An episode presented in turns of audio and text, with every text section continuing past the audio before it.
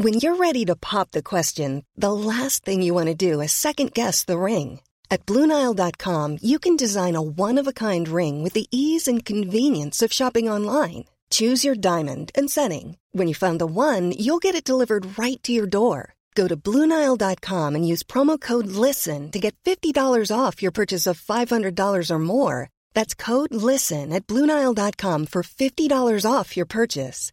Bluenile.com code LISTEN. Quality sleep is essential. That's why the Sleep Number Smart Bed is designed for your ever evolving sleep needs. Need a bed that's firmer or softer on either side? Helps you sleep at a comfortable temperature? Sleep Number Smart Beds let you individualize your comfort so you sleep better together. JD Power ranks Sleep Number number 1 in customer satisfaction with mattresses purchased in-store. And now save 40% on the Sleep Number limited edition Smart Bed for a limited time.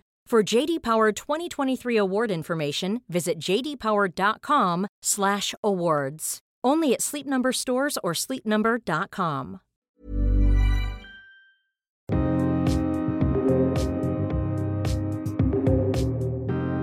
Idag träffar vi feelgood-författaren Anna Portner som gett ut tre böcker om systrarna Niva.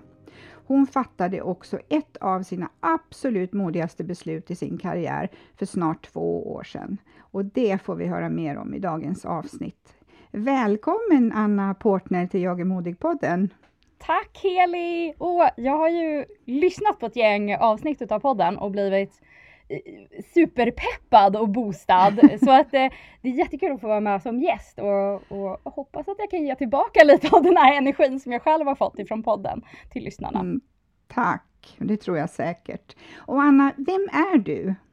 Eh, ja, vem är jag? Men jag är väl en kvinna mitt i livet med två barn i förskole och lågstadieåldern. Eh, Villa och vovve i, lever i småstadspärlan Sala.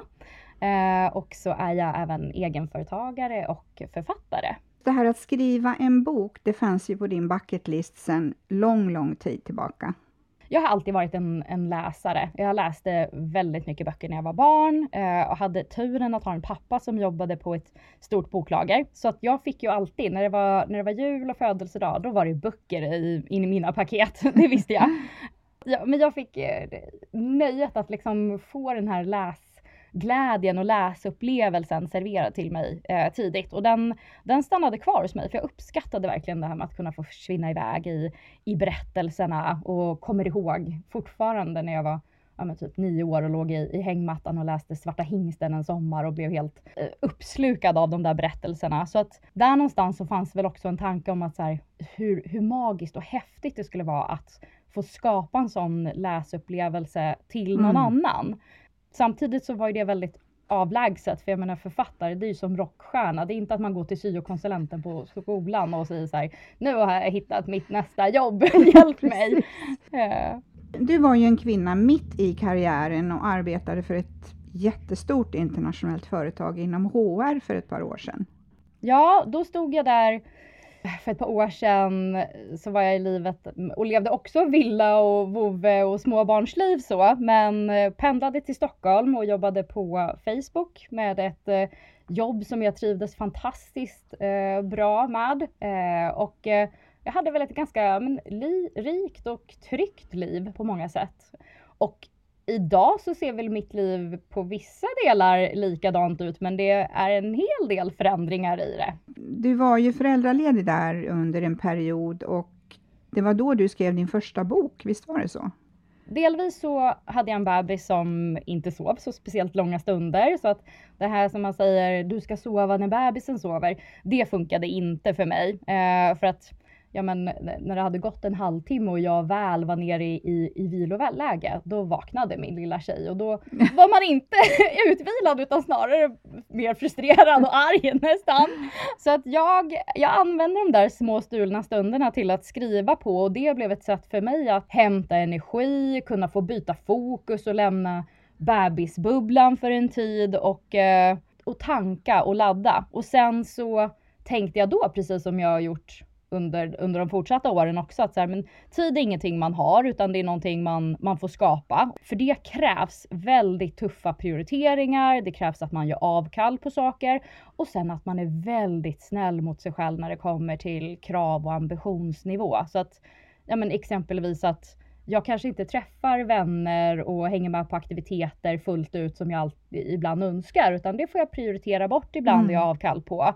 Jag eh, kan inte sitta i soffan och titta på TV hela kvällarna, utan då är det skrivtid istället. Ja, men att man sänker kraven på sig själv, att jag behöver inte vara bäst på allting och jag behöver inte göra allting själv, utan ta in städhjälp om du har möjlighet till det och var okej okay med att servera pannkakor som inte är hemmagräddade utan som är köpta, färdiga och frysta på ICA. Det, det får vara helt okej. Okay, för att det är inte liksom att nu ska jag göra mer utan nu ska jag göra de sakerna som jag verkligen vill och inom ja. en rimlig nivå.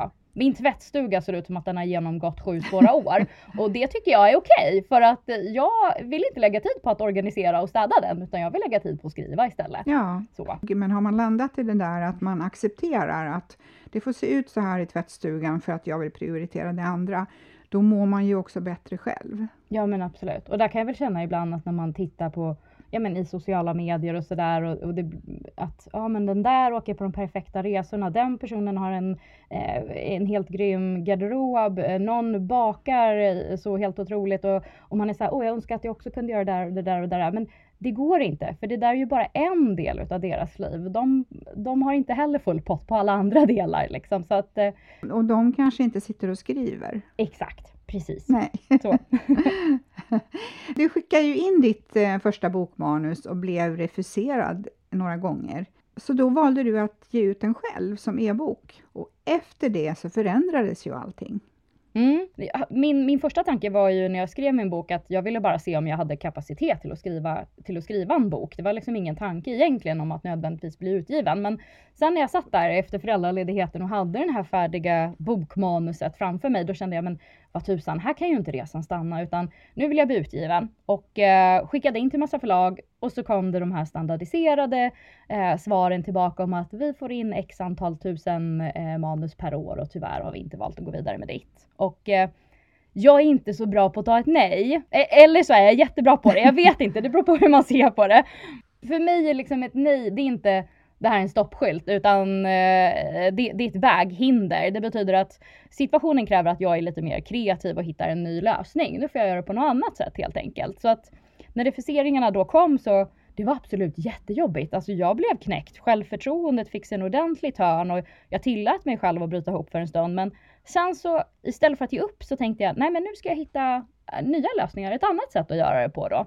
Och då blev det eh, att ge ut boken själv som en e-bok som var mitt, eh, mitt sätt. Och eh, Valborg 2018 så tryckte jag på publicera.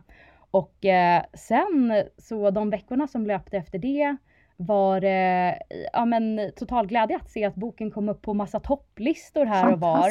Det, det, blev en helt annan eh, en helt annan resa eller liksom att få känna att här, man fick lite medhåll. Nu hade man precis fått massa nej och så fick man här, se att ja, men det finns ju folk som faktiskt tycker det här är en bra bok och som vill läsa. Så det var jättehärligt att få den feedbacken.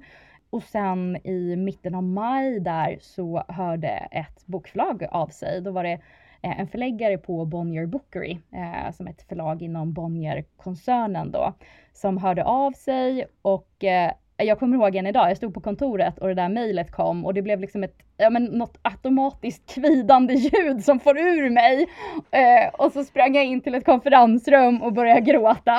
Lyckotårar. ja men verkligen. Ja. Och det var, det var, det var så eh, otroligt starkt att äntligen få få den där bekräftelsen och eh, då ville ju de eh, se ett till manus. Så det var inte så här yes nu är det klappat och klart, vi kör och ger ut din bok. Utan de sa det, vi har ju förstått att det här ska vara en serie. Vi vill se manuset till uppföljaren innan vi bestämmer oss om utgivning. Så att då var det, det var ju sommar då, det var bara att passa på och ta sommaren till akt och liksom nyttja semestern och skriva eh, bok nummer två.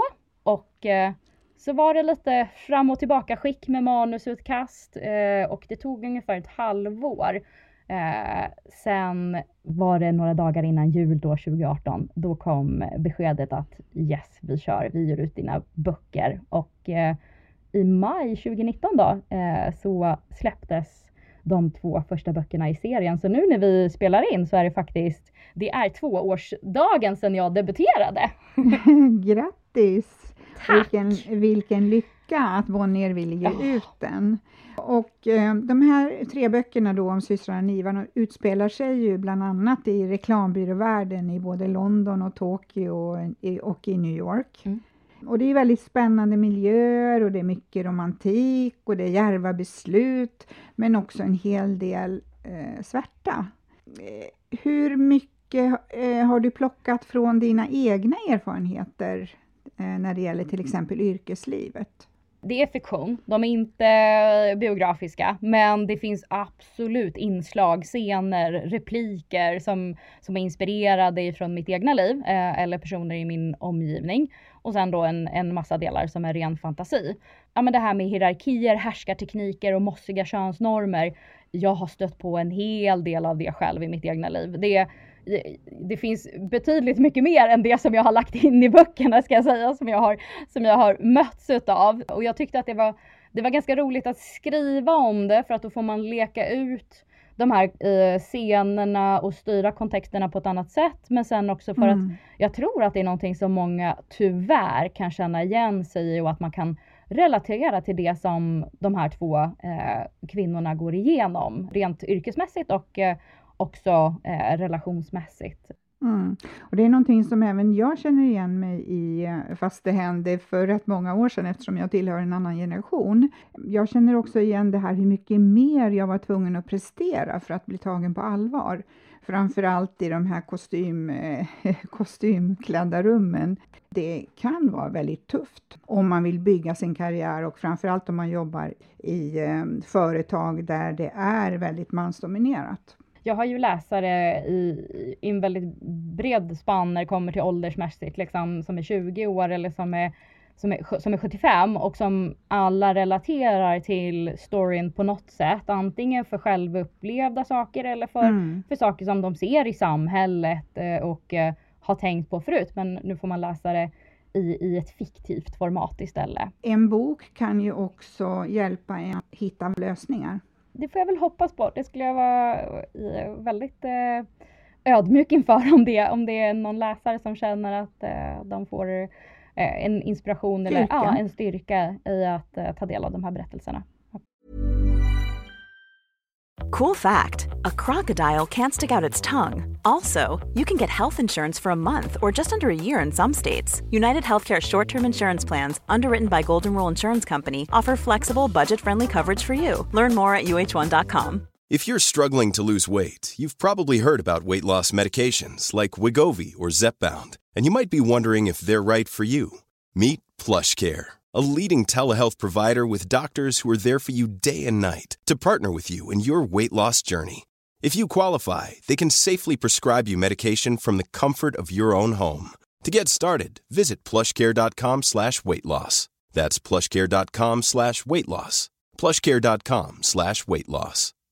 Quality sleep is essential. That's why the Sleep Number Smart Bed is designed for your ever evolving sleep needs. Need a bed that's firmer or softer on either side? Helps you sleep at a comfortable temperature? Sleep Number Smart Beds let you individualize your comfort so you sleep better together. JD Power ranks Sleep Number number 1 in customer satisfaction with mattresses purchased in-store. And now save 40% on the Sleep Number limited edition Smart Bed for a limited time. For JD Power 2023 award information, visit jdpower.com/awards. Only at Sleep Number stores or sleepnumber.com.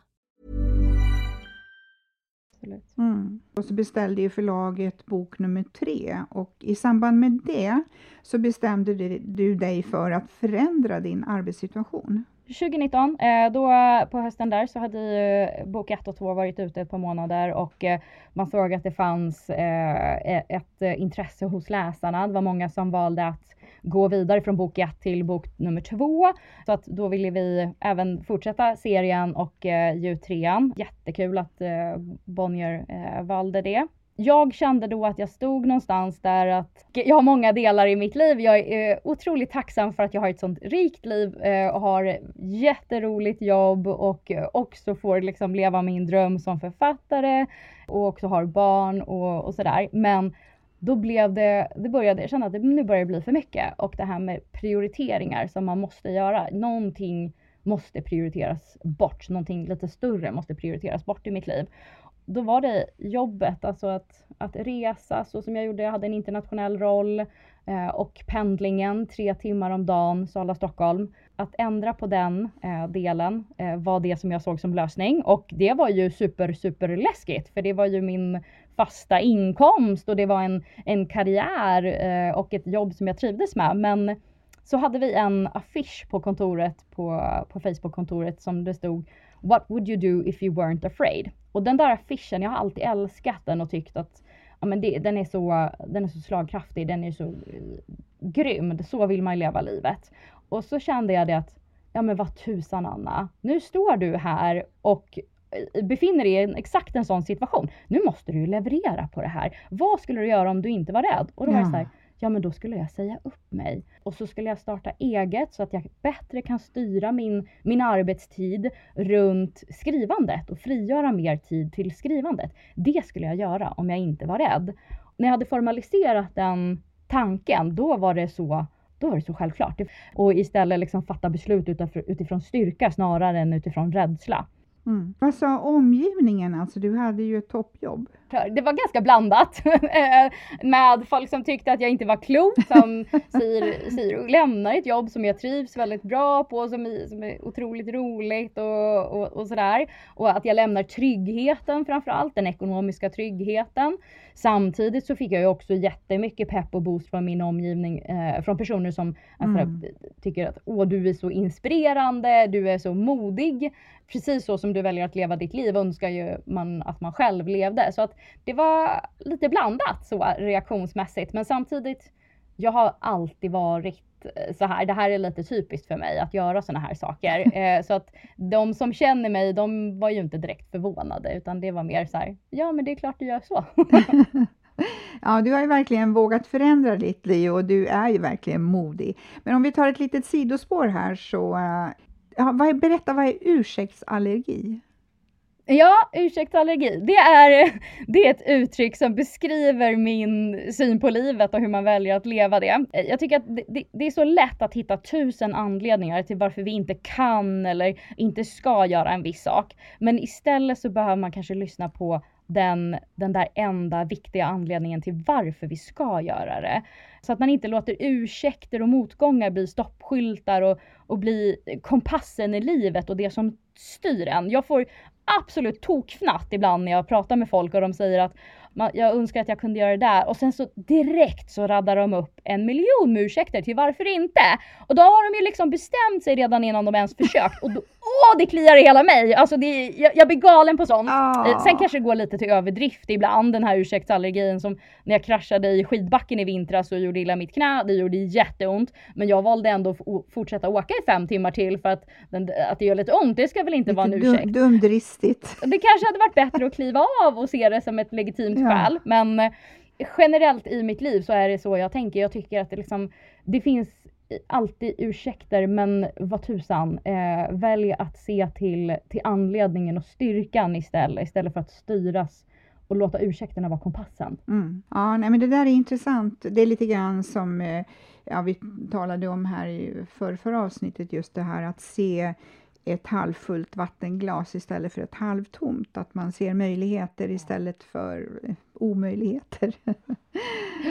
ja, det, det, är ett val man ändå har i livet. Det är många som eh, uppfattar mig som en positiv person och frågar men hur kan du vara så positiv? Och så då, och jag blir ju absolut ledsen och knäckt ibland och sådär men, men jag tycker att man kan faktiskt välja själv. Du kan inte alltid välja det som händer, mm. men du kan inte välja hur mycket vätska det är i det där glaset. Men du kan välja din syn på det däremot. Ja. Hur, vad är min inställning till det? Vad är min attityd till det här förhållningen? Mm.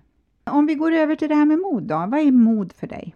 Mod för mig är mer att man inte låter rädslan styra en. Att man, att man vågar mer än man törs du, du, har ett val att, som jag, som jag sa, hur du väljer att se på situationen. Och det är, det är ditt val och du styr det. Och då tycker jag att modet är att acceptera att ja, jag kanske nu känner, jag känner dig, jag känner att jag är rädd, alltså den känslan, jag känner den och jag accepterar att jag är det, men jag accepterar inte att bli paralyserad av den här rädslan, utan jag är skrämd, men jag fortsätter ändå, att jag ändå vågar göra det. Och modet är det då liksom, det kan handla om interna rädslor, alltså att men jag tror inte att jag klarar av det. Jag, jag kan inte, jag kommer ramla eller vad det liksom eh, är om jag provar att gå och då kommer jag ramla. Eller den här, det, det externa, att jag är rädd för vad folk ska tycka. Att jag gör någonting konstigt eller att de tycker att jag är om jag, om jag misslyckas då, om jag då ramlar, eh, att mm. de tycker att det är konstigt. Att man inte stannar och begränsar sig utav de rädslorna utan acceptera att ja, jag känner dig eh, rädsla. Eh, du är här, eh, jag ser dig, men jag tänker inte, du är inte min kompass. Har du jobbat mycket med, med dig själv? Ja men alltså, jag är en ganska reflekterande person jag reflekterar och analyserar det som händer i min omgivning och det som händer inom mig själv. Jag älskar ju att lyssna på ja, men, poddar och så här, sommarprat och, och allt möjligt och ta in andras berättelser och och det kommer kanske ifrån här, den här läsaren, att kunna sätta sig in i andra, andra livsberättelser, mm. empatiskt liksom så. Och sen tänka då och reflektera kring vem, jag, vem skulle jag vara i den situationen och vad kan jag lära mig utav den där livsberättelsen? Vad kan jag ta med mig ifrån det? Så att jag kanske, jag tror inte, mm. jag har väl inte jobbat så aktivt liksom med mig själv att så här, det här är medvetet, nu ska jag jobba med, med mig själv och mina styrkor, utan det är mer eh, någonting som har kommit lite automatiskt i mitt liv, i mitt sätt att leva. Eh, som, som läsare och som eh, jäkligt nyfiken och hungrig på livet. och du vågar ju starta ett eget rekryteringsföretag för eh, ett och ett halvt år sedan. För jag, jag sa ju upp mig då där på eh, hösten 2019 när, när jag fick erbjudandet om att eh, skriva en tredje bok.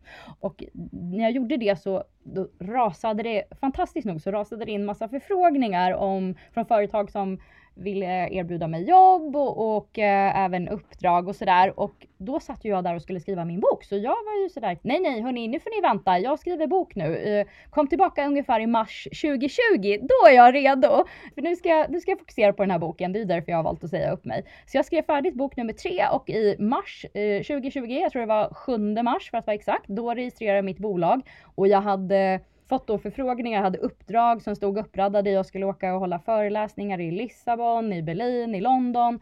Eh, jag hade interimsuppdrag eh, inom talent som jag skulle hjälpa eh, några storbolag med.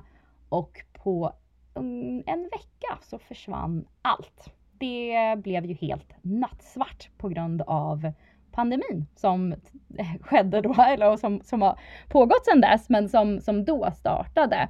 Så all, all min business försvann. All min eh, säkrade inkomst eller förväntade inkomst försvann. Det var ganska läskigt.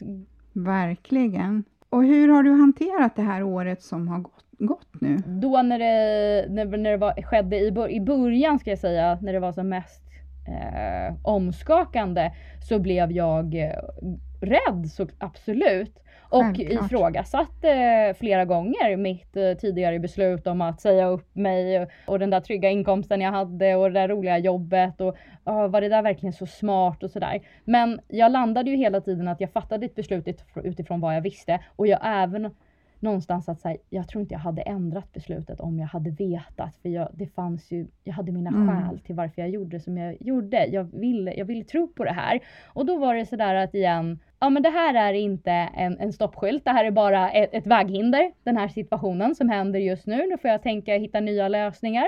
Så jag valde att fokusera mycket på, men på mina böcker, eh, lägga tiden där och sen bara fortsätta tro på att det, det, kommer bli bättre. Situationen kommer ändras. Jag styr inte att det är en pandemi nu, men jag kan styra mitt sätt hur jag ser på den. Så att jobba mycket med att liksom, ja, men etablera mer kontakter med potentiella kunder och att jobba med böckerna. Och det tog väldigt lång tid, men sen till hösten där, då började det lätta på marknaden. Så då efter det så har jag fått in eh, istället väldigt mycket uppdrag och förfrågningar. Så nu sitter jag och, och har den här förmånen igen av att till och med kunna tacka nej till, eh, till jobb och uppdrag.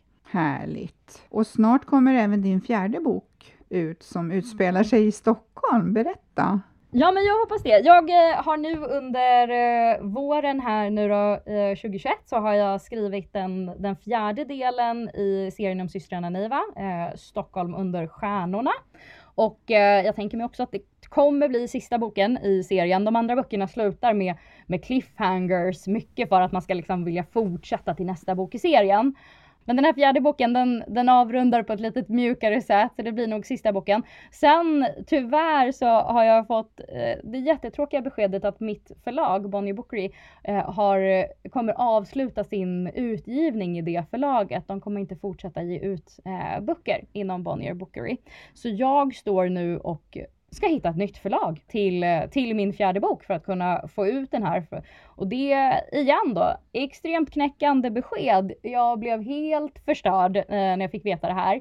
Och sen eh, tillät mig själv då att bryta ihop och nu försöker jag istället tänka positivt att så här, men hur kan det här, hur kan vi vända det här till eh, en fördel? Ett nytt förlag kanske kan positionera böckerna på ett annat sätt, kunna komma ut och hitta nya läsare eh, och bara en stark tilltro till att men det här vänder vi. Så jag hoppas att boken, fjärde boken, det är inte satt eh, datum när den ska komma ut, men eh, min förhoppning är att det blir någon gång nu under året eh, 2021. Mm. Ja, det tror jag säkert att du kommer hitta ett, ett nytt förlag. Precis! Får jättemycket förfrågningar om när kommer fyran? Så att eh, nu hoppas jag att vi hittar ett förlag så att eh, vi kan, eh, så läsarna kan få fortsätta att följa systrarna eh, i, i bok fyra.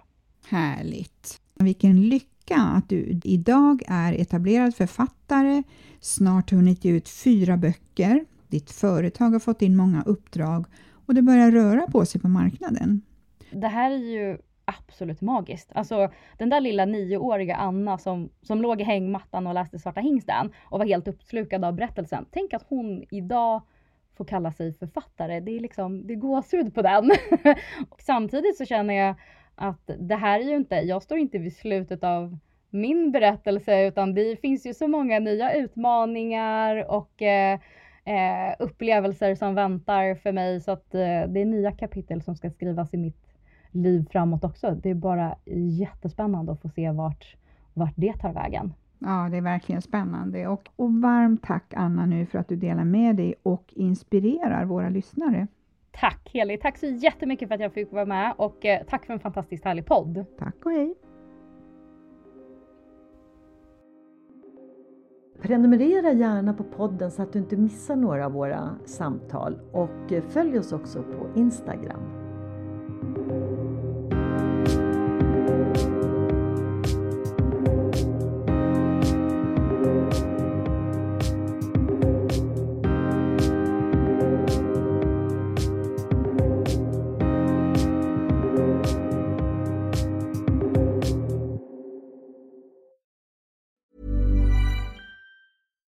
Here's a cool fact a crocodile can't stick out its tongue. Another cool fact you can get short term health insurance for a month or just under a year in some states. United Healthcare short term insurance plans are designed for people who are between jobs, coming off their parents' plan, or turning a side hustle into a full time gig. Underwritten by Golden Rule Insurance Company, they offer flexible, budget friendly coverage with access to a nationwide network of doctors and hospitals.